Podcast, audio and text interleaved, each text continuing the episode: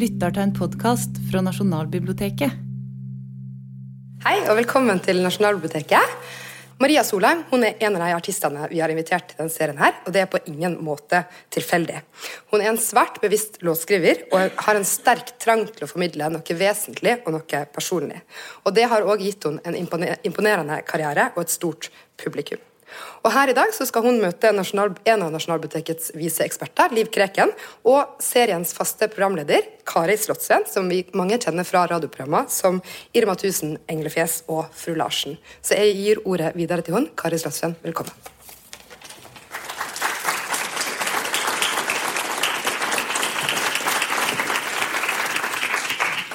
Hei, alle sammen. Så hyggelig å se dere. Var det noen av dere som var her sist? Med Stian Karstensen? Veldig bra. Ja, hei. Ja, det husker jeg faktisk. Um, jeg skal jo da lede denne konsertserien som på mange måter kan beskrives som en, en oppskrift på hvordan man blir bestevenn med Nasjonalbiblioteket og Arkivet. For det er helt riktig, sånn som det ble sagt, at dette er hukommelsen. Den ligger i kjelleren, og hvis det er noe dere har glemt, så er det jo egentlig bare å spørre. Og så er det en, en helt vidunderlig måte å gå inn i dette fantastiske arkivet på. Eh, det å gå inn på arkivet på nett, hvor du får faksimile av bøker som ble gitt ut i forrige og forrige århundre av forfattere ingen lenger husker hvem var. Av for det første en viseskatt som vi tar for oss denne våren. Som kanskje delvis er gått i glemmeboken, men som man i noen tilfeller også tenker at den husker jeg jo. Den var jo en del av min barndom. Og her er den, og her er jo alle versene, for jeg kan jo selvfølgelig bare det første og det femte. Um, og i kveld kan dere glede dere. Det er også Vene viser som er stikkord for denne kvelden. Og det er den andre i serien Støv og stjerner denne ettervinteren og snart våren da her på Nasjonalbiblioteket. Og det kommer til å bli varmt i løpet av kvelden. Det er deilig. Fortellinger med melodi Ettermæle med tonefølge, hverdagshistorier med besifring, familiekrøniker på vers. Arbeidssanger for å holde motet oppe når malmen brakk, vinden peip og ryggen skreik. Sanger om været som vær, og været som metafor. Havet som hav, og havet som et bilde på noe annet. Havet, døden, kjærligheten. Tro, håp og lengsel. Min mor var en hjemmevevd, plantefarget disippel av visebølgen. Med et bankende hjerte for svensk-finske melodiøst mørke viser med noteark som nakne bjørkestammer. Vegen hem var mykket lang, og ingen har jeg møtt. Nu blir kveldene kyliga og sena. Min finske grandtante Ragnhild kom med sjokolade fra Helsinki og hummet med på Tove Jansson, Erna Tauros lille mørke bittersøte mesterverk. Min mamma elsket også Jack Berntsen, Jan Arild Skogholt, hvor i hammaren, Edvard, du treng han vel no, no når døra skal spikrast igjen. Og så elsket hun da ikke minst, og nesten overalt i hele verden, Halvdan Sivertsens Norafør. Alt det du veit om, er vinteren som tappa deg tom, og natta som veit hun har vunnet. Det er vakkert, sant? Og den natta min mamma døde, sto jeg i grålysningen med den store, hvite sykehusveggen i ryggen og sang nordafor, høyt, og det kjentes som hun satt på skulderen min. Og siden har den visa lokket fram duften av min mors parfyme og lyden av stemmen hennes som ikke bar lenger enn toppen en armlengde, og hun hadde ikke spesielt lange armer. Og dette sier jeg fordi jeg mener at viser, musikk og tekst er felles eie, felles historier, men også en dypt personlig ting. Det binder oss sammen, og det er det en del av det vi skal snakke om i kveld. For mange mennesker så er en vise også et bånd til foreldre, besteforeldre, kjærester osv. Men min mamma ble jo aldri en sånn sanger som dere skal møte her i kveld. Um, og dere kan glede dere til å møte henne. Men disse tekstene som da binder oss sammen, de husker med seg historien. De fester disse båndene mellom oss og alle de andre. Og de lager spor etter oss når vi er stille, og de som synger, våre felles sanger de vil fortsette med dette. Så kom i Vene visers favn. Og aller først forskningsbibliotekar ved Nasjonalbiblioteket, vårt oppslagsverk og vår da tonelos her i kveld, Liv Kreken. Kommer her. Og hun er også sanger.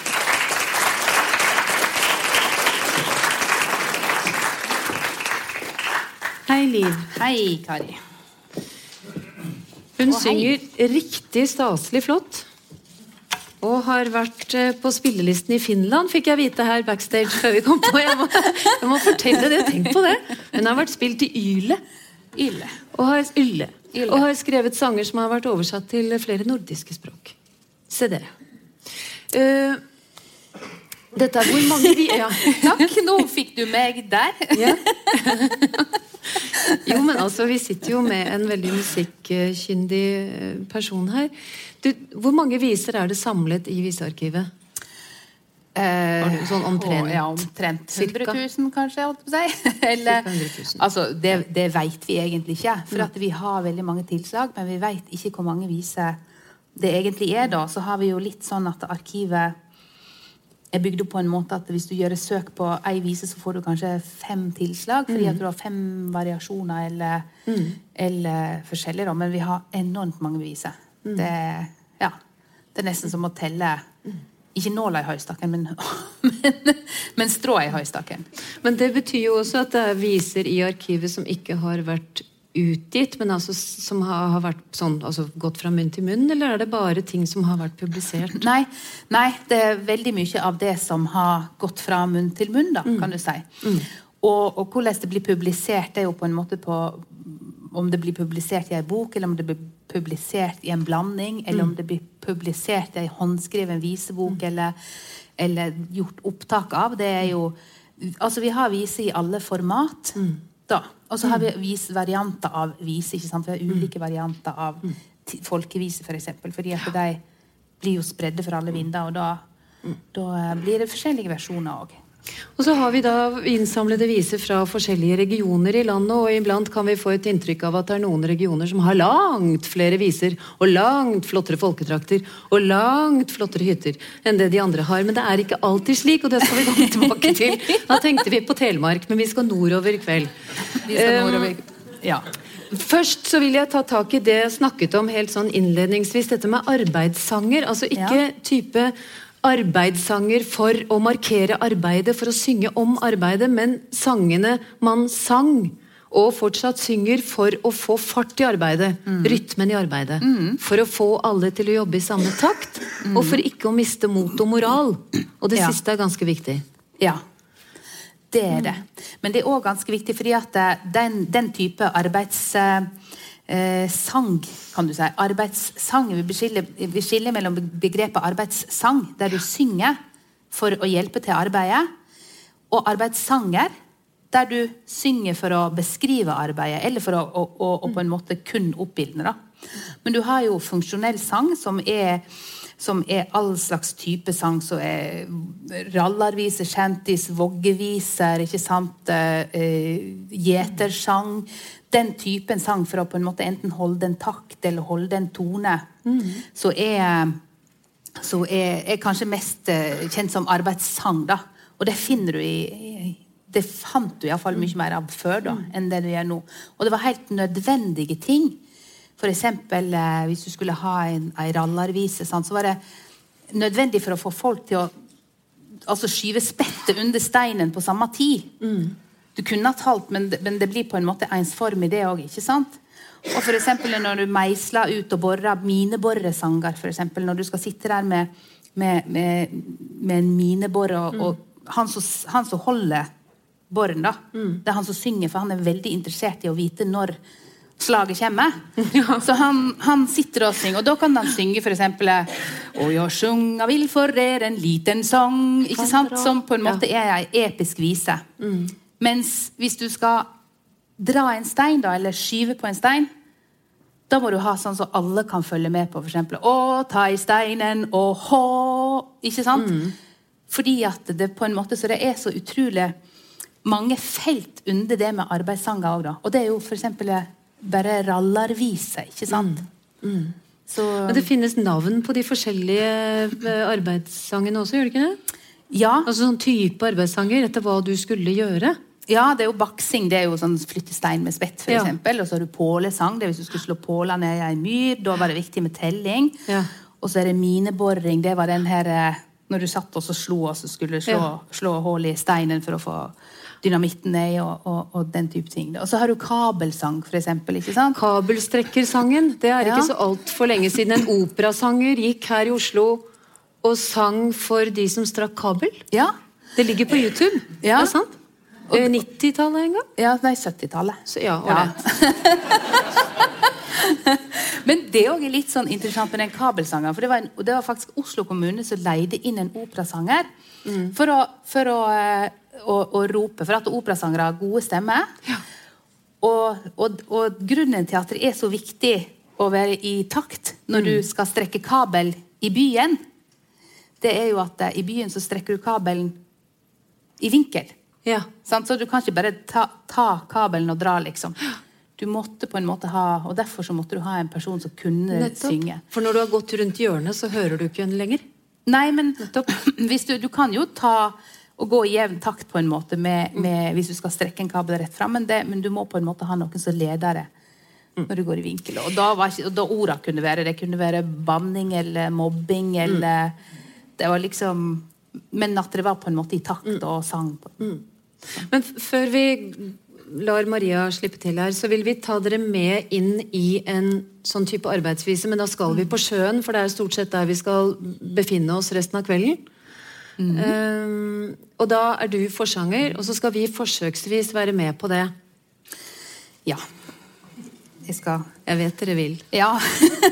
Og hvis det er noen som er Yes. litt sånn uh, Og det dere har, det arket dere får her, det er en forfatter og en helt spesiell Ja. sang vi kommer tilbake til. Yes. Nå trenger dere ikke tenke på noe annet enn å prøve å holde uh, følge. Og så, hvis dere ikke klarer å treffe tonen, så bare si det kraftig ut i stedet. Ja. Fordi det vi skal gjøre nå, er at vi skal synge en shanty. Og en, vi skal synge en haleshanty. Og en haleshanty den eh, betegner at det er, går ei linje som forsangeren synger, og så synger arbeiderne da noe veldig enkelt for å dra to ganger for å få opp seilet. Og det er sånn typisk eh, eh, For eksempel Anne Madam sang Og Anne Madam var en vakker små tøs. Hei hå, Anne Madam. Ja. Men det er ikke den vi skal synge nå. Nei, okay. vi, skal, sorry. vi skal synge en som heter Ranso Boys, og egentlig en ganske kjent eh, shanty. Og, eh, eh, og tonen på den, den er litt sånn Den kan dere ha hørt i andre varianter, og sånn er det jo med shanties. Men jeg bruker den her Stem opp en chant om Ranso, Ranso Boys, Ranso. Og Kan da skal vi synge Ranso Boys, Ranso. Ranso Boys, Ranso. Stem opp en chant om Ranso. Ranso Boys, Ranso. Når ingen annen kan så. Ransom Boys, Ranso. Ranso. For sjømann var han ikke. Ranso Boys, Ranso. Han kunne bare drikke. Ransom Boys, Ransom. Han jungmann var med ferjen. Ranso Boys, Ranso. På Vågen borti Bergen. Ranso Boys, Ranso. Han fraktet på madammer. Ranso Boys, Ranso. Blant skuter og blant prammer. Ranso Boys, Ranso. Han jenste, hans jente var helst fri ham. Ranso Boys, Så tok han tur til Siam. Ranso Boys, Ranso. Han kom om bord i skuten Ranso Boys, Ranso. og var så dum som stuten. Ranso Boys, Ranso. De moret seg så gruelig. Ranso Boys, Ranso. For han spurte om alt mulig. Ranso, Ranso. Om kjølsvinet var tjoret. Ranso Boys, Ranso. Hvor ofte ble det fòret? Hvor øyebolter så hen? Hvor vedskjulsnøkkelen lå hen? Så ble han hengt på nokken. Og sønnen hans, det er kokken. Ranso Boys, Ranso. Hey. Det var ganske vanlig å mobbe kokken i Kjentis. Det er en shanty. Da er vi på sjøen. Vi skal eh, være der gjennom eh, ord og musikk, og ønsker velkommen musiker, låtskriver og sanger Maria Solheim. Velkommen.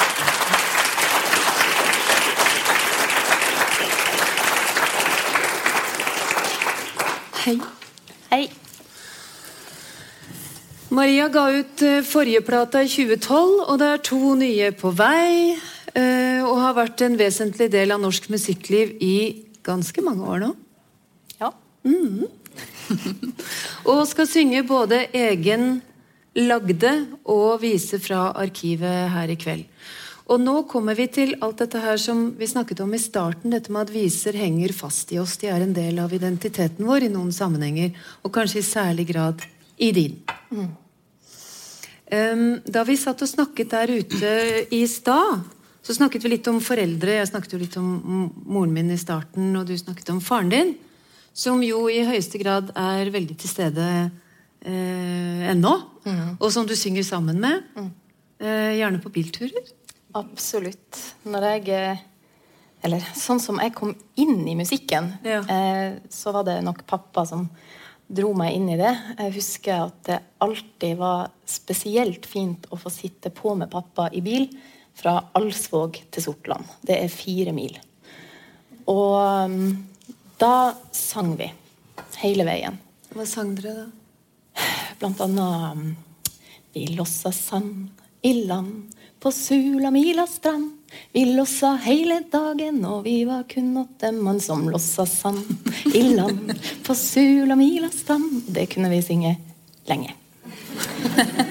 um, men det var Det var der jeg eh, på en måte fikk inn en del av de gamle sangene. Min far er et eh, oppslagsverk av eh, gamle viser og gamle sanger, og ikke minst historie fra gammel tid.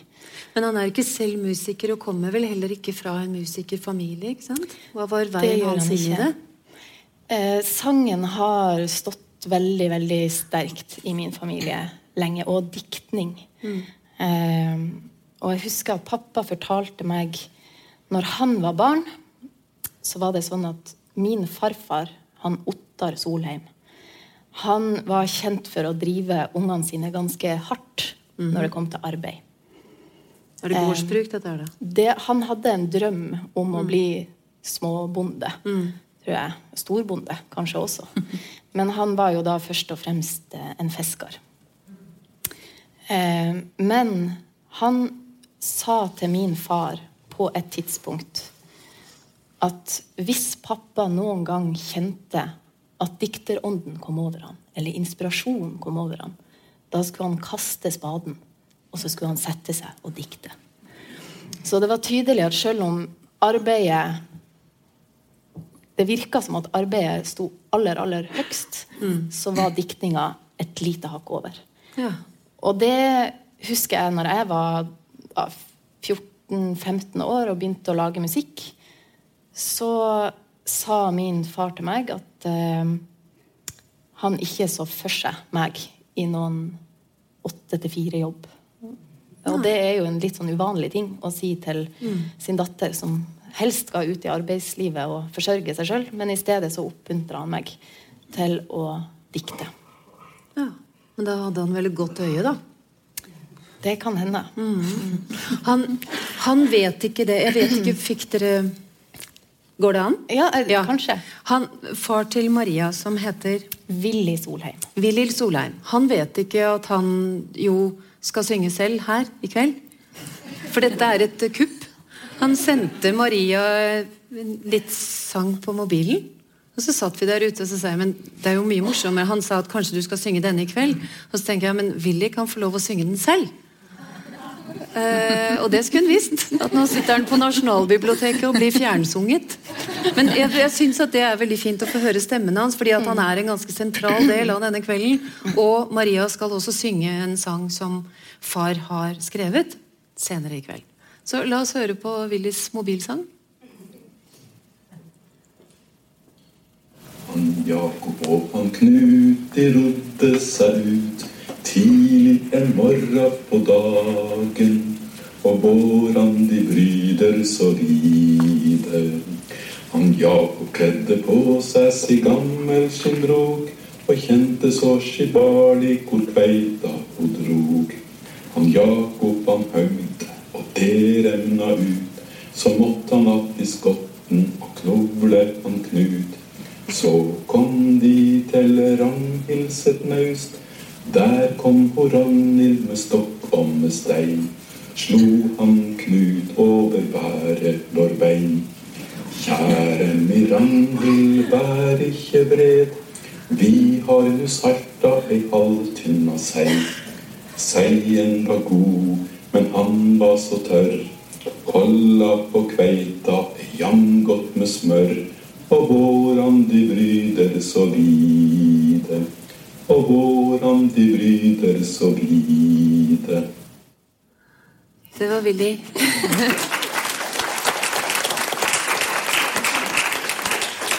Det, den vil jeg ha til arkivet.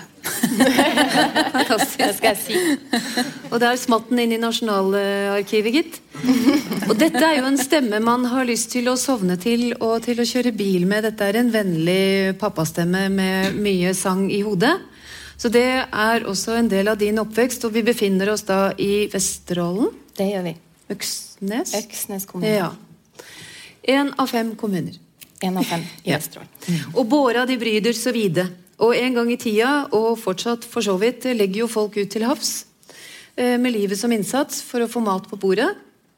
Og så står det igjen noen som skal ta seg av både gårdstun og unger og, og bikkjer og hest og sitt eget liv og sin egen angst og sin egen lengsel. Sant? Og det blir det også sanger av. Men jeg tenkte at aller først så vil vi gjerne høre en av dine egne. Eh, som jo for så vidt befinner seg i vann, Det gjør på en den. måte. Det gjør den absolutt. Jeg har da bodd på Østlandet nå i 16-17 år. Ehm, og for eh, Eller en kveld for et par år siden så hadde jeg vært på syklubb i Nesbygda, der jeg bor. Var på vei hjem, og jeg bor da ved Drammensfjorden. Og det hadde skjedd noen ting den dagen. Det hadde vært noen misforståelser, og det, vi hadde måttet prate om det på syklubben. Og når jeg gikk hjemover, og det var mørkt, og det var høst, så sang jeg en sang til Drammensfjorden. Og den har jeg kalt The River. Og den tenkte jeg at jeg skulle spille. Og Martin Rosenhoff er med Maria i kveld. Ønsker han velkommen.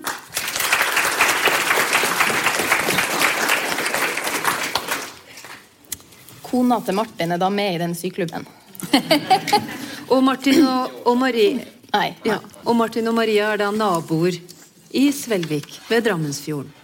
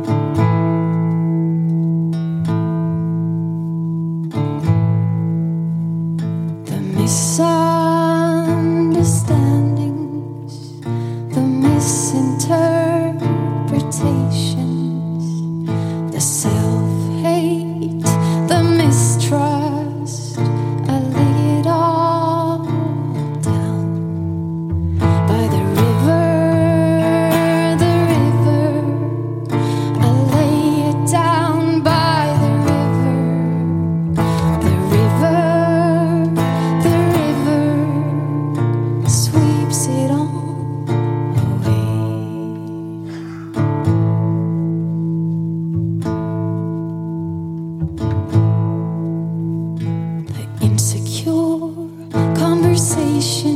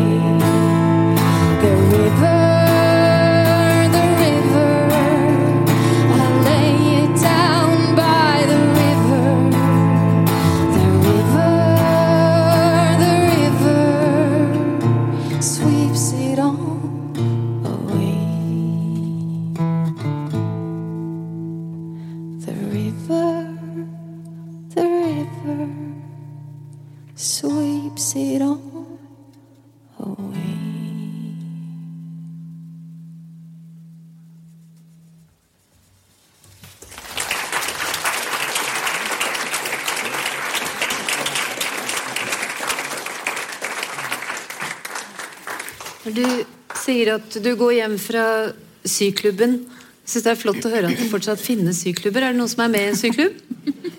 Er det det? Er det noe som har kommet tilbake igjen? At eh, yngre mennesker har syklubb? Min mor var i syklubb. Det, vi kaller det Nesbygda søm og summing. Og det er nok kanskje litt mer summing enn det er søm. Sånn det kanskje alltid har vært. Ja. Ja. Men når du da går hjem fra syklubben, og man har litt å rydde opp i, så sier du at du synger til Drammensfjorden. Er det da en sang som du kommer fram til der du går? Altså at du, Har det vært sånn for deg at du, at, at du begynner å nynne på en vise som på en måte blir til Hvordan kommer musikken til deg? Det kommer veldig forskjellig. Det er veldig mange Eller jeg bruker forskjellige måter å lage musikk på. Men eh, det har også Jeg har tidligere også lagd en sang på den måten. Det, det skjer faktisk ikke så ofte. Eh, men da er det gjerne at det presser veldig på. Jeg lagde en sang på nattoget fra Stavanger til Oslo en gang. Eh, den sangen heter 'Train Underwater'. Ja. Eh, og da var det rett og slett at jeg satt på nattoget og ble plutselig fryktelig, fryktelig redd for at toget skulle spore av ved et vann og gå under. Og jeg så da for meg liksom et slags sånn spøkelsestog under vann. Um, og lagde sang, begynte da å synge for å prøve å roe meg sjøl ned. Og sang for meg har en beroligende effekt, og har Ja. kanskje alltid hatt det. Så jeg sier det at, altså, Og jeg skriver jo på engelsk. Jeg skulle ønske at jeg var flinkere til å skrive på norsk. Men jeg bruker å si det at engelsk er mitt Det er ikke mitt skriftspråk, men det er mitt skriftespråk. Eh, Er det en beskyttelse i det? det er det, definitivt. Eh, men det gjør også da at jeg føler at jeg kan være fryktelig, fryktelig ærlig i min musikk. Og eh, det er Det er godt for meg på en måte å gå gjennom prosesser med å synge, synge meg gjennom prosesser, rett og slett. Veldig mange mennesker har forskjellige prosesser de trenger for å hjelpe seg selv når hjernen eh, går på tur. Ja. Um, og når hjernen bestemmer seg for å være så slem at den sender toget ned under vann, så hjelper det deg da på en måte å skrive ut sangen i det. Det er jo høyst forståelig. Um, vi skal til altså Alle artistene som er med oss denne våren, går i visearkivet sammen med Liv. Og plukker ut en sang de har lyst til å gjøre, altså da tolke, framføre i sin egen, eh, på sin egen måte. Og nå skal vi langt tilbake i tid. Vi skal til en eh, kar som Og det er det arket som ligger på stolene deres. Det er mest for å illustrere dette her også. Vi skal til en kar som jo ville bli så mye, men som på den tiden kanskje ble så lite. Fikk det ikke helt til. Ja, Nei, han gjorde ikke det. Han ville gjerne bli forfatter, og han ville gjerne bli visesanger, han ville gjerne bli det ene og det andre. men han- Skuespiller, da. Skuespiller ville han Ja. bli. Men han, eh, han blei ingenting av det. Han, eh, han veksla mellom eh, han, var jo, han var jo født opp i Andsnes og Andenes, Andenes, ja. Og flytte sørover, og, og han skrev jo hele tiden.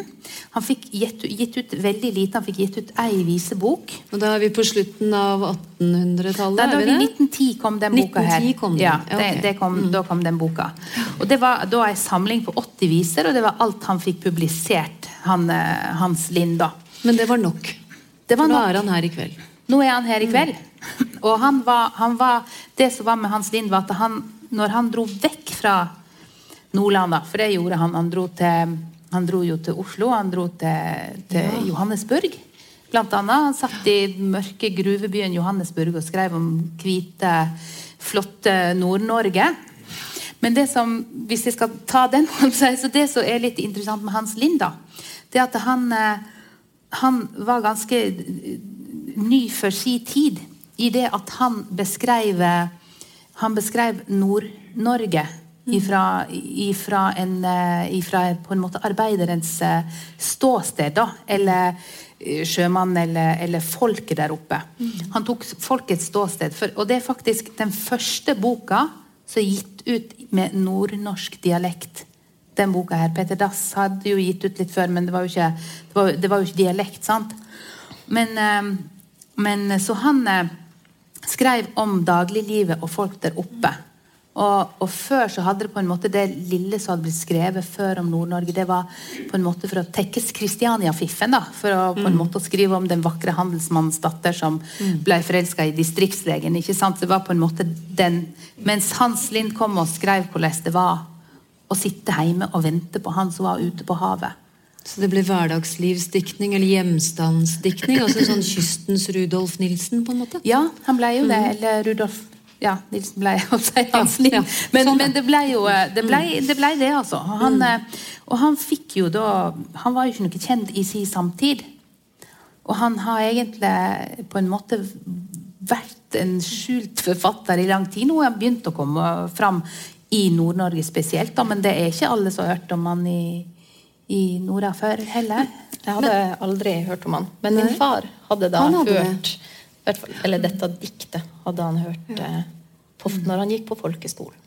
Hva, men var det i Hans Linds samtid noen som sang disse sangene han skrev? Samlet han inn sanger også?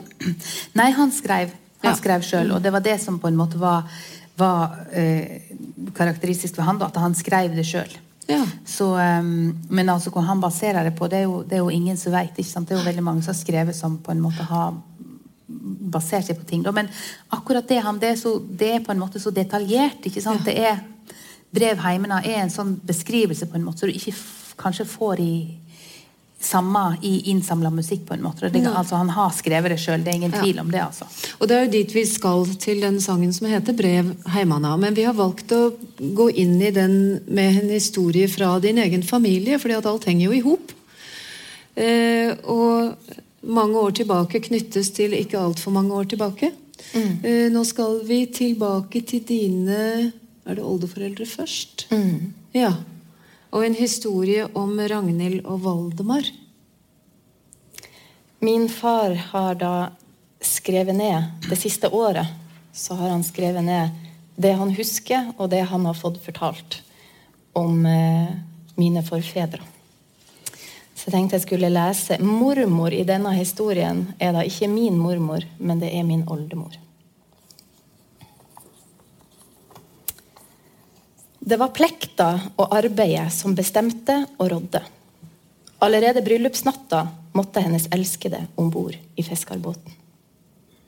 Sjøl om bryllupsnatta ble amputert, ordna det seg nå etter hvert. Seinere samme året bar han Valdemar ei vugga opp på den lille loftsleiligheta i Nyksund. Ei tid etterpå hørtes bangråt der oppe fra. Hun mormor satt og rørte ved vogga. Måtte stadig kaste et blekk bort på det lille sovende mennesket. Sjøl så liten han var, så hun tydelige trekk av han Valdemar. For en fining han var. For ei løkka å være mora hans. Vi døpte han Gunnar. Sjøl om han Valdemar dreiv sjøen like hardt som før, var hun mormor ikke så ensom lenger. Banstell, sying av små plagg, folk kom innom med barselmat. Det må ha vært omtrent på denne tida hun fikk dårlig nytt hjemmefra. Faren hennes, faren hennes, han Johan Jentoft, en mann med krøllete hår, vakre ansiktstrekk og kunstnersinn, hadde falt ned i et barkkar og fått seg en skikkelig trøkk i hodet. I løpet av de neste ukene viste det seg at hjernen var skadd, og han ble vanskelig. Hun Amalie, min tippoldemor, da, var ikke i stand til å bo sammen med han lenger. Kunne hun få komme til Nyksund, spurte hun mormor, og så bedende på en morfar. Om ikke annet for ei stund. De kunne ha god hjelp av henne også, ikke sant? Jeg tror ikke han morfar ble storbegeistra. Man kan jo tenke seg sjøl, nygift på to små loftsrom med en nyfødt liten unge, og så ei svigermor oppi reiret. Men jeg tror hun mormor allerede på det tidspunktet hadde et visst tak på han morfar. Dessuten var hun Amalie i en akutt situasjon, så det ble ja. Hun mormor synes det var bra å ha mora å samrå seg med når det gjaldt han lille gutt. Dessuten var det fint å ha noen som kunne se etter pjokken når hun skulle ut en tur. Ned på butikken, bort på bedehuset eller på besøk til et par av svigersøsteren som også holdt til i verre. Eller når været var dårlig og han morfar ikke var kommet på land, og hun bare måtte opp på Niksundøya og se etter båten hans nord i havet. Utpå ettervinteren i 26 merka hun at hun var på vei igjen. Noen uker seinere var det tid for finnmarksfiske. Antagelig var han morfar på denne tida skipper på egen båt, MK Alfen. Og mormor kjente savnet etter han allerede da de la ifra kai i Nyksund, og merka skyggen av en angst for at ting kunne gå galt. Havet var en utfordrende arbeidsplass, og kallen hennes var en havhest som stadig utfordra naturkreftene. Vær nå forsiktig, Takko. Husk på at du har meg og han Gunnar her hjemme. Skipperen vinka med kasjetthua fra styrhuset. Hadde det samme glimtet i øynene som hadde margstolet hun for to-tre år siden. Angsten for at noe skulle gå galt, viste seg å være berettiga. Denne gangen. Men det var ikke han oldefar det gikk galt med. Det var han lille Gunnar. Han ble sjuk. Livet var ikke til å berge. Han oldefar fikk beskjeden mens han var på havet. Han kom hjem. Det var vår. Alo og sjøfugl overalt. Hormoner og nordaustavind. Snart skulle han legge til kai der hjemme. Nå måtte han være sterk, for Ragnhilds skyld. Bare det nå ikke også gikk galt med det der lille livet hun på nytt var på vei med. De setter den lille trekassen med guttekroppen ned i jorda på kirkegården på Langnes. En liten skipper som aldri fikk holde i et ratt. Tunge dager. Men også dager med ny forventning. De måtte konsentrere seg om det. Han morfar hadde fra oppveksten trening i å fortrenge det han ikke kunne gjøre noe med. Nå måtte han få hun mormor til å se framover. Den 19. oktober i 1926 hørtes en ny stemme i den lille loftsleiligheta. Det var ikke kommandorøsta til et nytt skipperemne, men stemmen til ei lita veikja. De kalte hun opp etter han som lå i jorda på Langenes. Hun fikk navnet Gunnlaug. Tusen takk.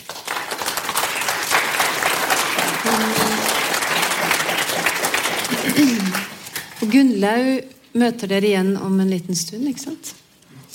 Men her er da Hans Linds eh, brev heimana. Og så går vi inn i historien.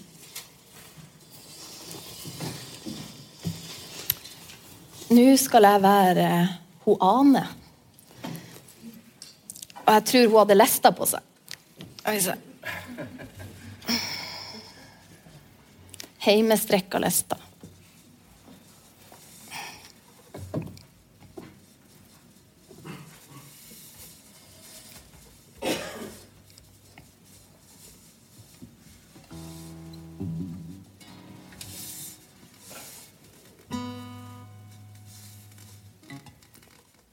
Mamma, mamma.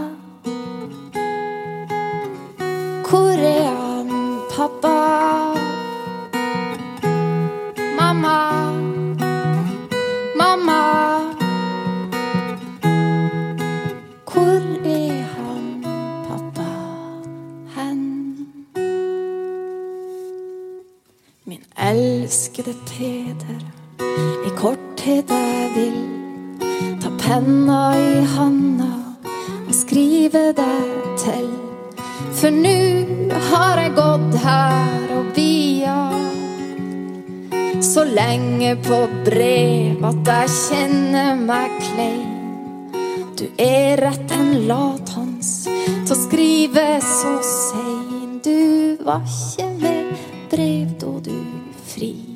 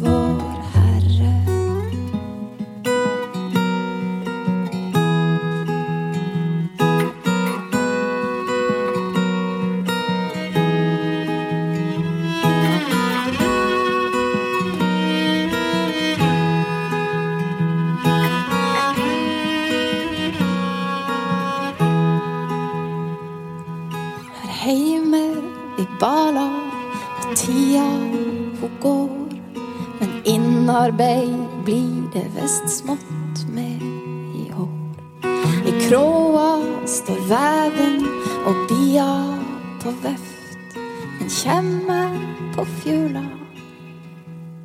så gnell der en kjeft, mamma, mamma. Hvor er han, pappa?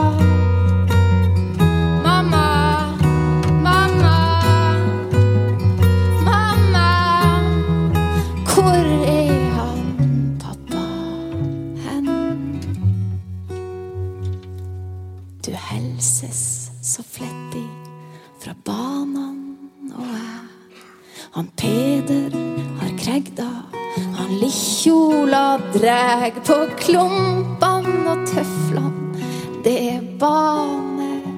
Han er så lik far sin, det alle kan sjå.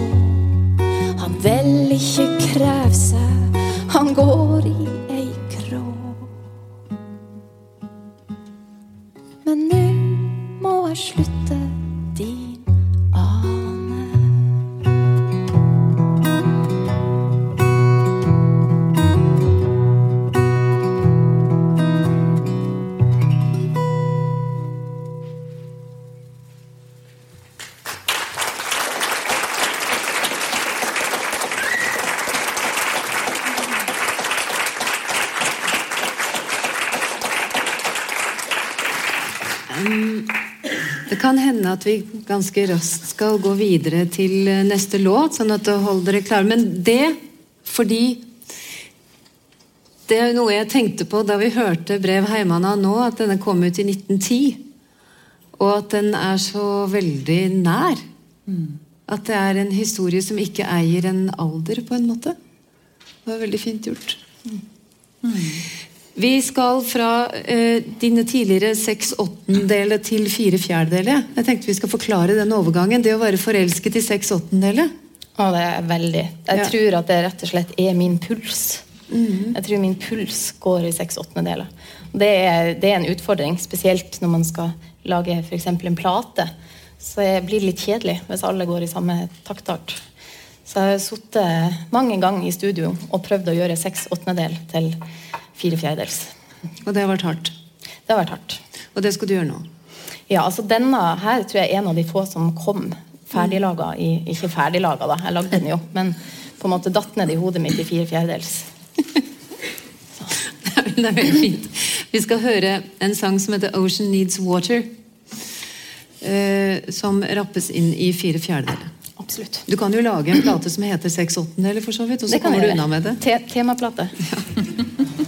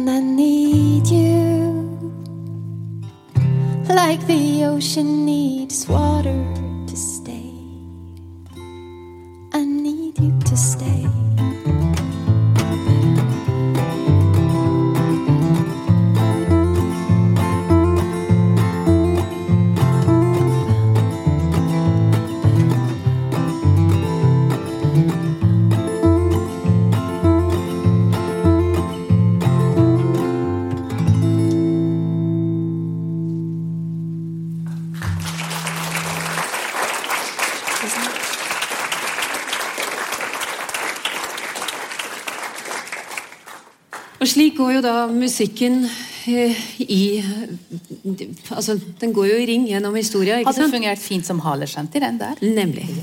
Den hadde det. Eh, vi- vi skal etter hvert også høre en sang som Willy, som dere hørte i starten, eh, har skrevet. Og vi skal høre hvordan det gikk med Gunnlaug. Eh, og dette blir forunderlig, på forunderlig vis en stor og lang historie på, uten at vi egentlig i utgangspunktet tenkte at det skulle bli sånn. Men fordi du er så full av historier selv, og tydeligvis har en familie som tar vare på de historiene, så passer jo det veldig godt inn i denne sammenhengen. For Nasjonalarkivet er jo det. Ja da. Og, og det er jo ingenting som er bedre enn at folk kan gå inn i Nasjonalbiblioteket. Og, og vi hadde jo et veldig bra møte når vi fant fram til den brevheimene. Og, og det på en måte har resultert i både at du kan knytte til dine egne sanger, og, og, og på en måte jobbe det ut som en hel, full historie. Så føyer seg fint inn i på en måte både notid og gammel tradisjon. da. Så det, det har vært positivt òg som uh, bibliotekar her ved Nasjonalbiblioteket å, å følge deg. Og sånn, sånn liker vi å følge at andre òg på en måte kommer inn i arkivet og kan, kunne gjøre det. Ut, uten at vi hver gang viser det her på scenen. For vi, det gjør vi jo ikke. Nei. Men det var en veldig flott versjon du hadde av eh, den brevheimen. Jeg har hørt et par andre versjoner også. Jeg tok meg noen friheter, da. Jeg, jeg så oppdaga Jeg vet ikke om dette egentlig er så lurt å si, men jeg oppdaga at jeg hadde litt sånn Jeg har en baby som er eh, seks måneder eh, gammel. Jeg oppdaga at jeg hadde litt gulp på kjolen. Ehm, så jeg, jeg, jeg følte liksom, når jeg satt og jobba med det her, at, eh, at det, det er mye unger rundt henne. Og når hun skal, det blir lite innarbeid gjort pga. at det, det er alltid noen som skal ha noen ting, og noen som roper på henne. Eh, og det å kunne gå inn og identifisere seg med hun herre Ane eh, var, var veldig viktig for meg. eh, I hvert fall når det gjelder å komme inn i sanger, og det at andre også skal kanskje få muligheten til å komme inn i de, så må man nesten identifisere seg litt med de sjøl. Så ble det på en måte din historie også. Og den der eh, veldig voldsomme følelsen når du hører den sangen 'Brev heimann' av, at eh, lukten av han som er på sjøen, sitter i sengetøyet, den kom veldig da. Og med ungene som vil sove opp i senga fordi de lurer på hvor han er, og alt dette her. Eh, vi skal eh, høre historien om Ottar og Gunnlaug, tenkte jeg. Og vi må jo også si at uh, Willy, som jo ikke er her, pappa, han kan jo høre dette, for det blir jo gjort opptak av dette her. Ja. Ja, Og så blir det lagt ut på sidene til Nasjonalbiblioteket. Ja, et, som jeg forstår. Ja. Da tror jeg at min far gjerne vil si at det var noen ord Det var, det var noen ting Han, han skrev til meg hvis du skal bruke denne sangen i kveld, og han mente jo at jeg skulle synge den. Hvis du skal bruke den, så må jeg rette opp i noen ord. Så det må jeg bare få sagt. At det eh, Beklager at jeg ikke ja. Og så må jeg få lov å si til Willy at det var egentlig min idé, da. Så du må ikke bli sint på Maria, Willy, men det var altså et forslag. Og det var veldig fint å ha deg med. Og Tusen takk. Nasjonalbiblioteket har ingenting med de rettighetene her å gjøre.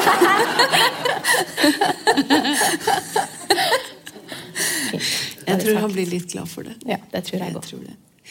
La oss høre hvordan det gikk med Gunnlaug, som da ble født eh, etter at storebroren hennes døde, og far kom hjem fra sjøen. Han avbrøt fiske den gangen for å komme hjem, og hadde jo et håp om at dette skulle gå bra. Og i, som i veldig mange tilfeller så gikk det jo ikke bra.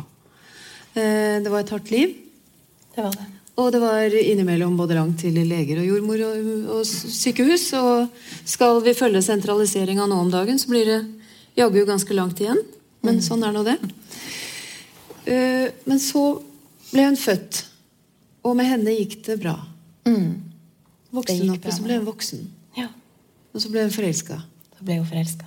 Og la oss begynne der.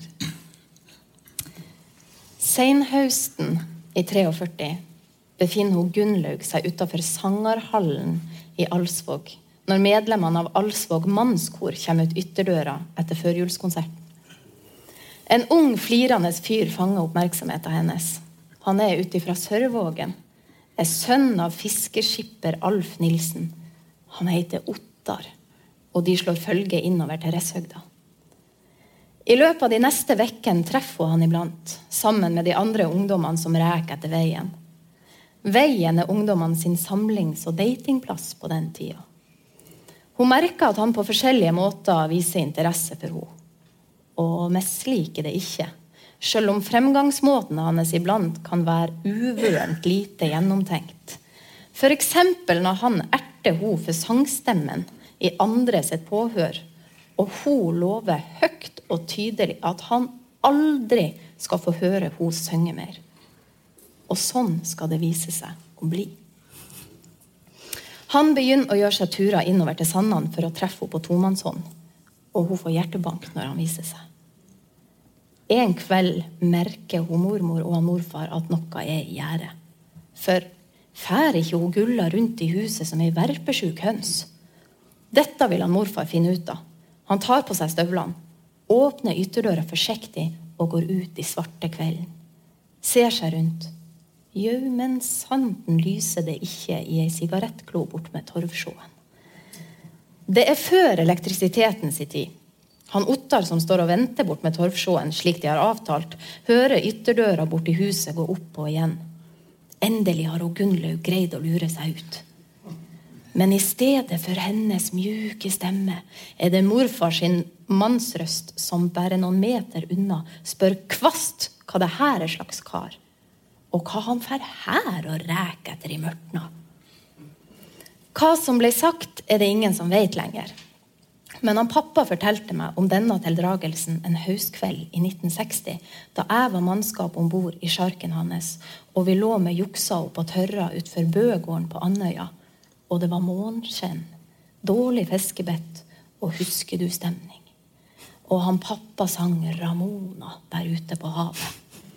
Ingen kvinne er som deg, med følsom tenorstemme og med akkompagnement fra Sabdiesel.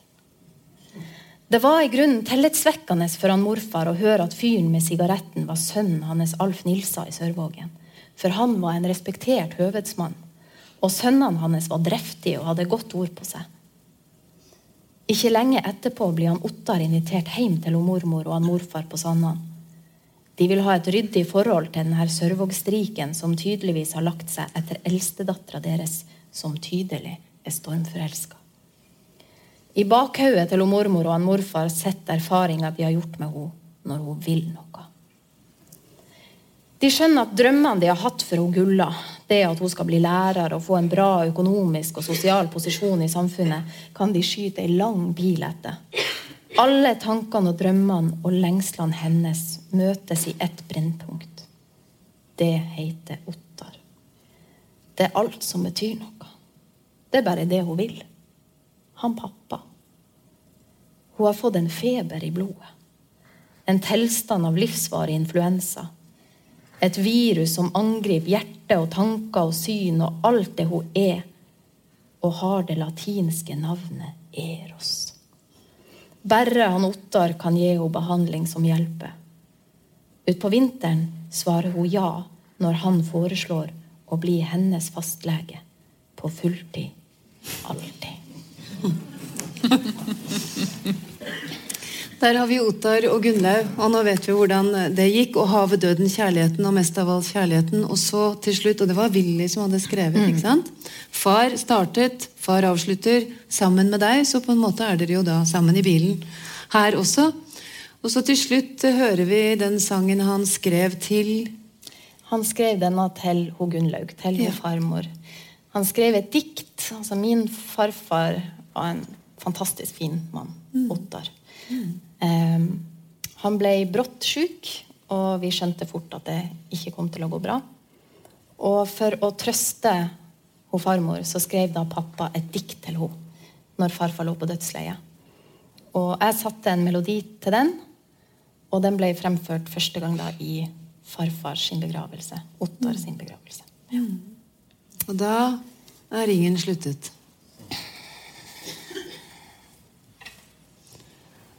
Og sangen som Willy da har laget sammen med Maria, heter 'Ei kvinne han'.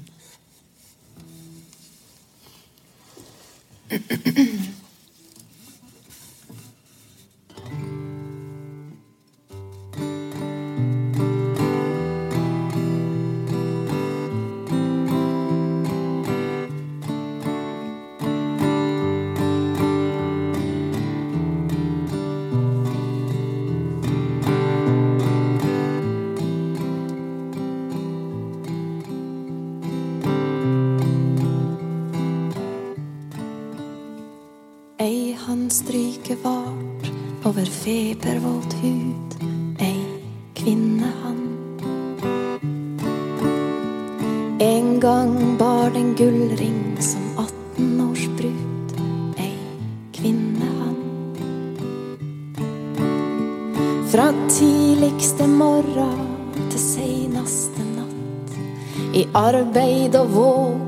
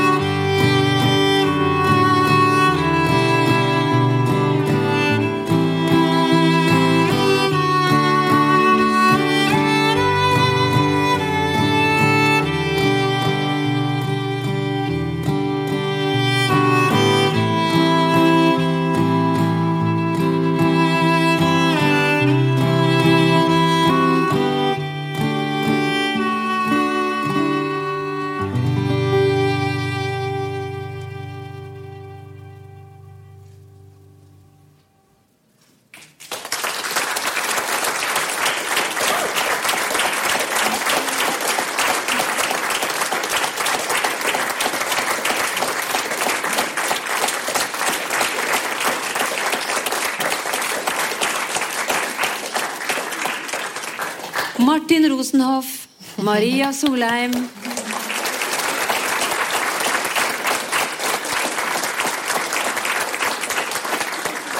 Musiker, låtskriver, sanger, mor, barnebarn, datter. Alt dette. Og passasjer. Eller sjåfør. Alt ettersom. Det har vært en nydelig kveld. Tusen takk skal du ha. Takk. Og dere har fått lov til, og det er jo en, en veldig fin ting, å få være med på en historie i en familie som jo dette på en måte spant rundt. Og jeg er ganske sikker på at i hvert fall noen av dere har historier om deres egen familie og om deres egen fortid, og kanskje også melodier og låter knyttet opp mot dem som har betydd eller betyr noe for dere. Er det ikke slik? Og det er fint. Tusen takk, Maria.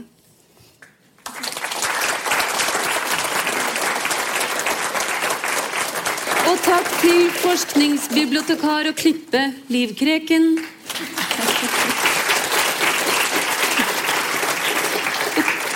Takk, takk og takk. Og takk til dere. Neste gang er det Geir Sundstøl som eh, er med oss. En av Norges aller krappeste gitarister. Eh, Og det er den 11. mars. Og så etter det igjen, ute i april, kommer Maja Ratche. Det blir kjempespennende. Og Lars Bremnes med migrantviser. Så vi har en del kvelder å kose oss sammen på her i Nasjonalbiblioteket. Ha en strålende kveld.